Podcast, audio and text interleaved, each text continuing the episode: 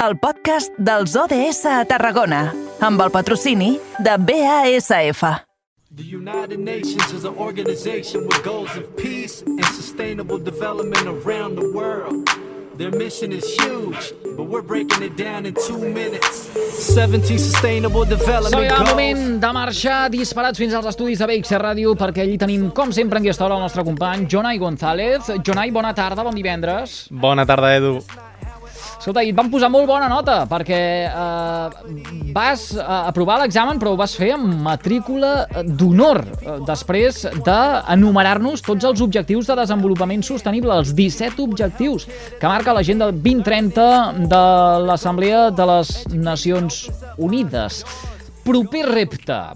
Cap, ja no vull, ja no vull més. Et deixo, et deixo un mes, si vols, aquest, per assolir-lo. No tres setmanes, que són les que portem de temporada. És que és Acceptes difícil, o no eh? acceptes? Depèn de qual sigui. Va, si et penses a- a- un a- pel proper un, dia... Un, un repte, no, no, no, jo, ja, Oh, el, ara, jo el vale, repte, vale. el repte ja, ja el tinc pensat. És a dir, jo te'l proposo ara. Si, si acceptes, et deixo triar algú de l'equip del programa Perquè, el, eh, perquè uh, sigueu còmplices i el pugueu executar junts. vale, va, m'agrada. Sí? Vale, però m'ho penso durant el cap de setmana i t'ho dic dilluns, si et sembla bé. No, Perquè no, no, això- no. Ah, vale. T'ho he de dir has ara, d'acceptar no? ara, és a dir, has d'acceptar ara, sí. Vale, vale. Va, doncs digue'm-ho, sí, proposa-m'ho. Sí, sí, sí, sí, endavant. Jo... Molt bé, m'agraden les persones valentes com el John Ai. Entonar almenys un parell d'estrofes, o, o la primera estrofa i la tornada, de la sintonia d'aquesta secció. Aquesta, aquesta que ens ha posat el Curto. Tira, tira, Curto, tira, tira, tira. 14, protect life under seas. 15, protect life on land. Goal 16 is for peace and justice all over the Avui planet. és in high divendres. demand. And the final goal 1 d'octubre. Et proposo que el divendres 29 d'octubre crec que hi ha prou temps, una estrofa i la tornada. Però... No, no demano més. Però la fem junts, no? Llavors, amb tu.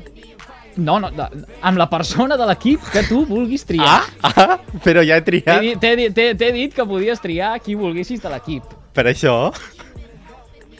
Bueno, ja t'ho pensaràs, Edu. Jo, jo accepto, ja t'ho pensaràs tu. Tu, jo tu, tu acceptes Jo i accepto. em tries a mi, però si pots, pots triar moltíssima més gent. Ja, també és pots- veritat, pots triar, però- Pots triar, el, pots triar L'Arnau vol, eh? la L'Arnau el veig amb ganes, també. O sigui que... L'Anna Plaça, uh, l'Adrià Requesens, Si no, fem un coro tots junts. Mateus...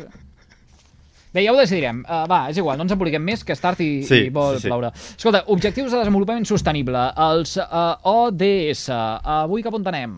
Doncs avui anem cap a un festival que, de fet, ha començat fa una horeta i quan justament arrencàvem nosaltres la segona hora ha començat eh, aquesta, una tercera edició de, del FES. I diràs, què és el FES? Doncs el FES és el Festival d'Educació per la Sostenibilitat que té lloc al, ara mateix al Museu de la Vida Rural. I és per això que avui tenim a la seva directora, a la Gemma Carbó. Bona tarda, Gemma. Hola, bona tarda. Bé, no podem començar d'una altra manera que preguntant com ha estat aquest inici d'aquesta tercera edició del, del festival. Doncs molt bé, hem arrencat amb, amb la proposta de Leftovers, que són aquestes dissenyadores que eh, ens han eh, posat una mica en situació de la quantitat de mascaretes i de residu no reciclable que hem generat amb la pandèmia i de com, eh, a través de la creativitat, utilitzar-ho eh, per, per fer nous materials. És la tercera edició de, del projecte. Com, com va néixer aquesta idea de fer aquest festival? Doncs mira, el festival neix perquè volíem presentar les propostes educatives que, que des del museu eh, tenim per treballar temes de, de sostenibilitat des de la cultura i des de les arts, però ho volíem fer d'una manera festiva i eh, treballant amb d'altres, que de fet és un dels grans eh, objectius, no? és aquest objectiu 17 d'aprendre a treballar en xarxa, treballar diferent, I per això vam decidir doncs, convertir la presentació de les propostes educatives en un festival on poguéssim trobar-nos eh, aquells i aquelles que estem treballant en, en el mateix eh, sentit i, en, i amb el mateix objectiu. No? I va acabar convertint en una festa en la que des d'espectacles, jocs, eh, proposta de revistes, presentacions d'activitats eh, i fins i tot doncs, aquest any un àpat no? amb, amb aliments eh, aprofitats mm, fan que el museu doncs, sigui durant dos dies un festival de, de, de gent amb ganes d'educar per la sostenibilitat. Uh -huh. I, I per què fer-ho a través de, la, de, les de les propostes artístiques? No sé si eh, per algun motiu en especial, perquè és més fàcil potser transmetre eh, el, que, el que voleu vosaltres eh, transmetre al públic. Per, per què amb les amb propostes artístiques? Doncs mira, perquè quan parlem de sostenibilitat tots entenem de seguida les qüestions mediambientals o tecnològiques, eh, les qüestions de les energies, de les plaques solars, de la mobilitat, però en realitat la sostenibilitat és també molt una qüestió de, de canviar els nostres relats no? i de definir les prioritats d'una altra manera, de crear doncs, eh, com a qüestió atractiva el fet de eh, menjar productes molt més de proximitat o el fet de que el reciclatge sigui una cosa innovadora.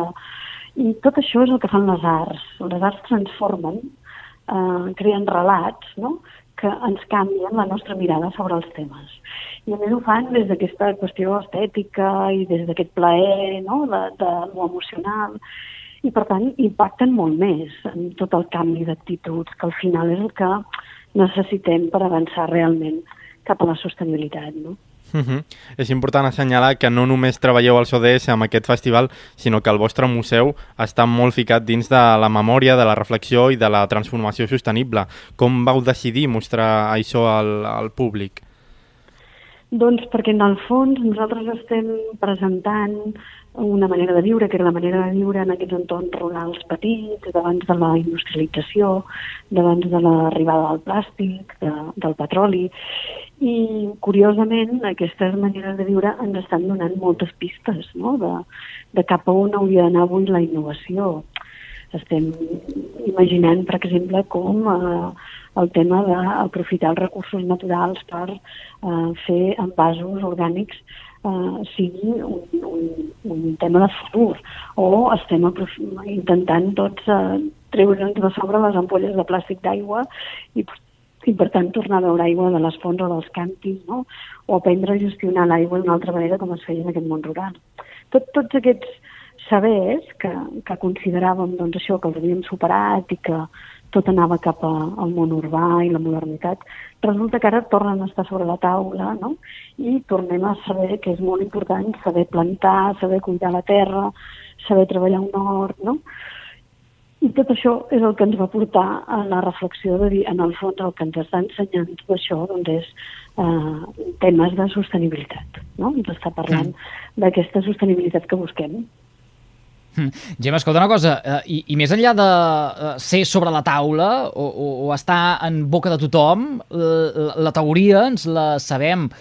Eh, després ho practiquem? És a dir, a instàncies d'aquesta reflexió que eh, té la voluntat eh, de fer el museu, la gent acaba canviant els hàbits o, o tornant a allò que feien els nostres avis molt més bé que nosaltres?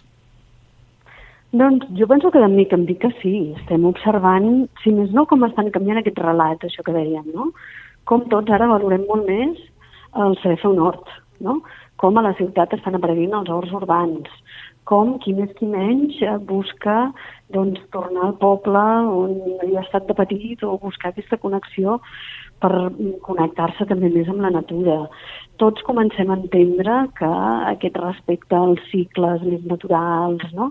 i, a, i a estar més connectats amb, amb aquesta terra ens reporta beneficis a nivell de salut, a nivell de benestar i a nivell col·lectiu.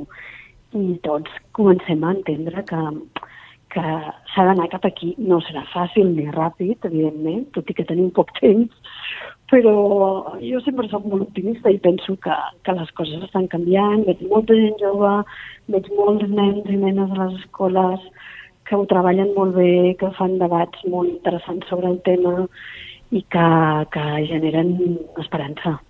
Uh -huh. Enguany us centreu en, en, en l'ODS número 12, en el de la producció i el consum responsable. Què podrem trobar en el festival des d'avui? Recordem que ha començat eh, fa una hora a les 5 de la tarda i fins demà al vespre al vostre museu.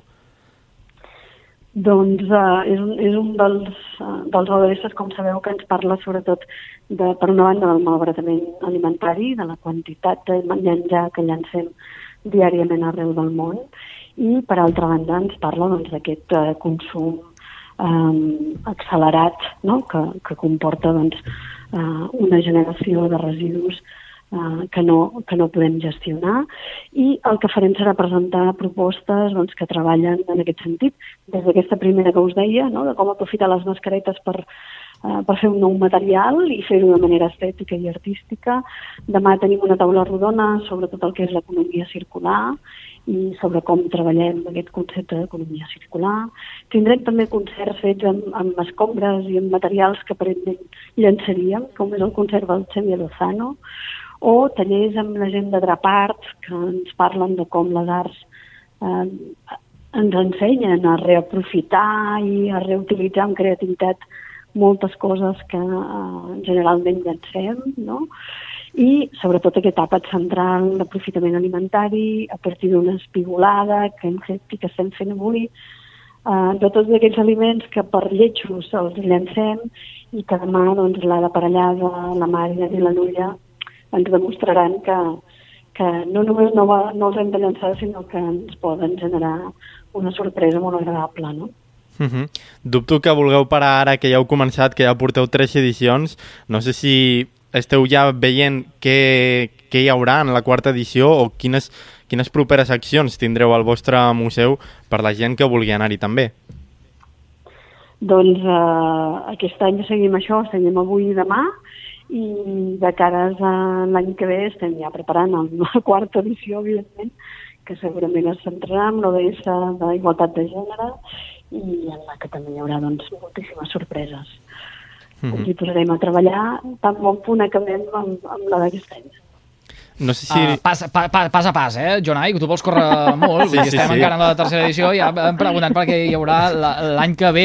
No, és que ahir Gemma van posar a prova el Jonai, li van fer, uh, li van fer dir de memòria els 17 ODS, i ara ja va com a, a embalat, es pensa que com que ells se'ls... Uh, uh, com que amb ell li han fet aprendre, perquè l'han posat a prova, es pensa ja que, que, que tothom ha de treballar amb aquesta previsió que li, que li demanem amb ell. Escolta, Junai, doncs hauràs de venir l'any que ve a presentar el FES, eh? Uf, jo encantat, eh? Però m'hauré de preparar més, que encara ens falta a altres conèixer també coses. Molt bé. Molt bé, esteu convidadíssims, evidentment, tant avui acabar d'aprofitar les activitats que, que seguiran. Tenim el, la gent a la taula rodona ara de l'art d'educar per la sostenibilitat amb les escoles del territori que ja ho estan fent molt bé Tenim a la gent de Matrix Cultura, tenim la presentació de la revista Pantera i la presentació de Drapart. Tot això avui encara, si us afanyeu, encara hi podeu ser. Queda dit, uh, tots cap a l'espluga de Francolí. per cert, uh, Gemma, uh, hem de fer algun tipus de reserva prèvia? Ho dic tenint en compte el, el moment aquest que travessem eh, encara de, de pandèmia. Hem de fer alguna trucada, algun correu per tal de, de dir, mira, hi volem anar, mm, compteu amb naltros. Sí, heu d'entrar a la web uh, i veureu que hi ha un, un espai amb totes i cada una de les activitats i sí, hem de fer inscripció a cada activitat perquè, com sabeu, hi ha uns protocols encara per si passés alguna cosa doncs que poguessin mm. tenir els contactes de tothom que, que ha participat. Va, doncs que, que eh, compartirem nosaltres també a través de les xarxes socials de les 8 emissores que fan possible el programa aquest enllaç perquè de manera directa els nostres seguidors se'n puguin fer una idea. Si, si no anar-hi, almenys eh, conèixer de primera mà tot el que hi ha. Gemma Carbó, directora sí. del Museu de la Vida Rural, una vegada més, eh, gràcies per acceptar la trucada del programa. Moltes gràcies a vosaltres. I només dir-vos que demà també, si no us podeu acostar, al matí les activitats es poden seguir en streaming a través de la web del museu. O sigui que aquells i aquelles que no us pugueu desplaçar per les vagues de Renfe o pel que sigui, sapigueu que també podeu connectar-vos a través de la web. Fantàstic, doncs uh, anirà de meravella compartir aquest enllaç que ara uh, apuntàvem, Gemma. Uh, que vagi molt bé, doncs, uh, el, el, vaja, el festival, anava a dir el que queda, no? però tot just fa una horeta que ha arrencat. Que vagi molt bé el festival. Moltíssimes gràcies. A Adéu, reveure. tarda.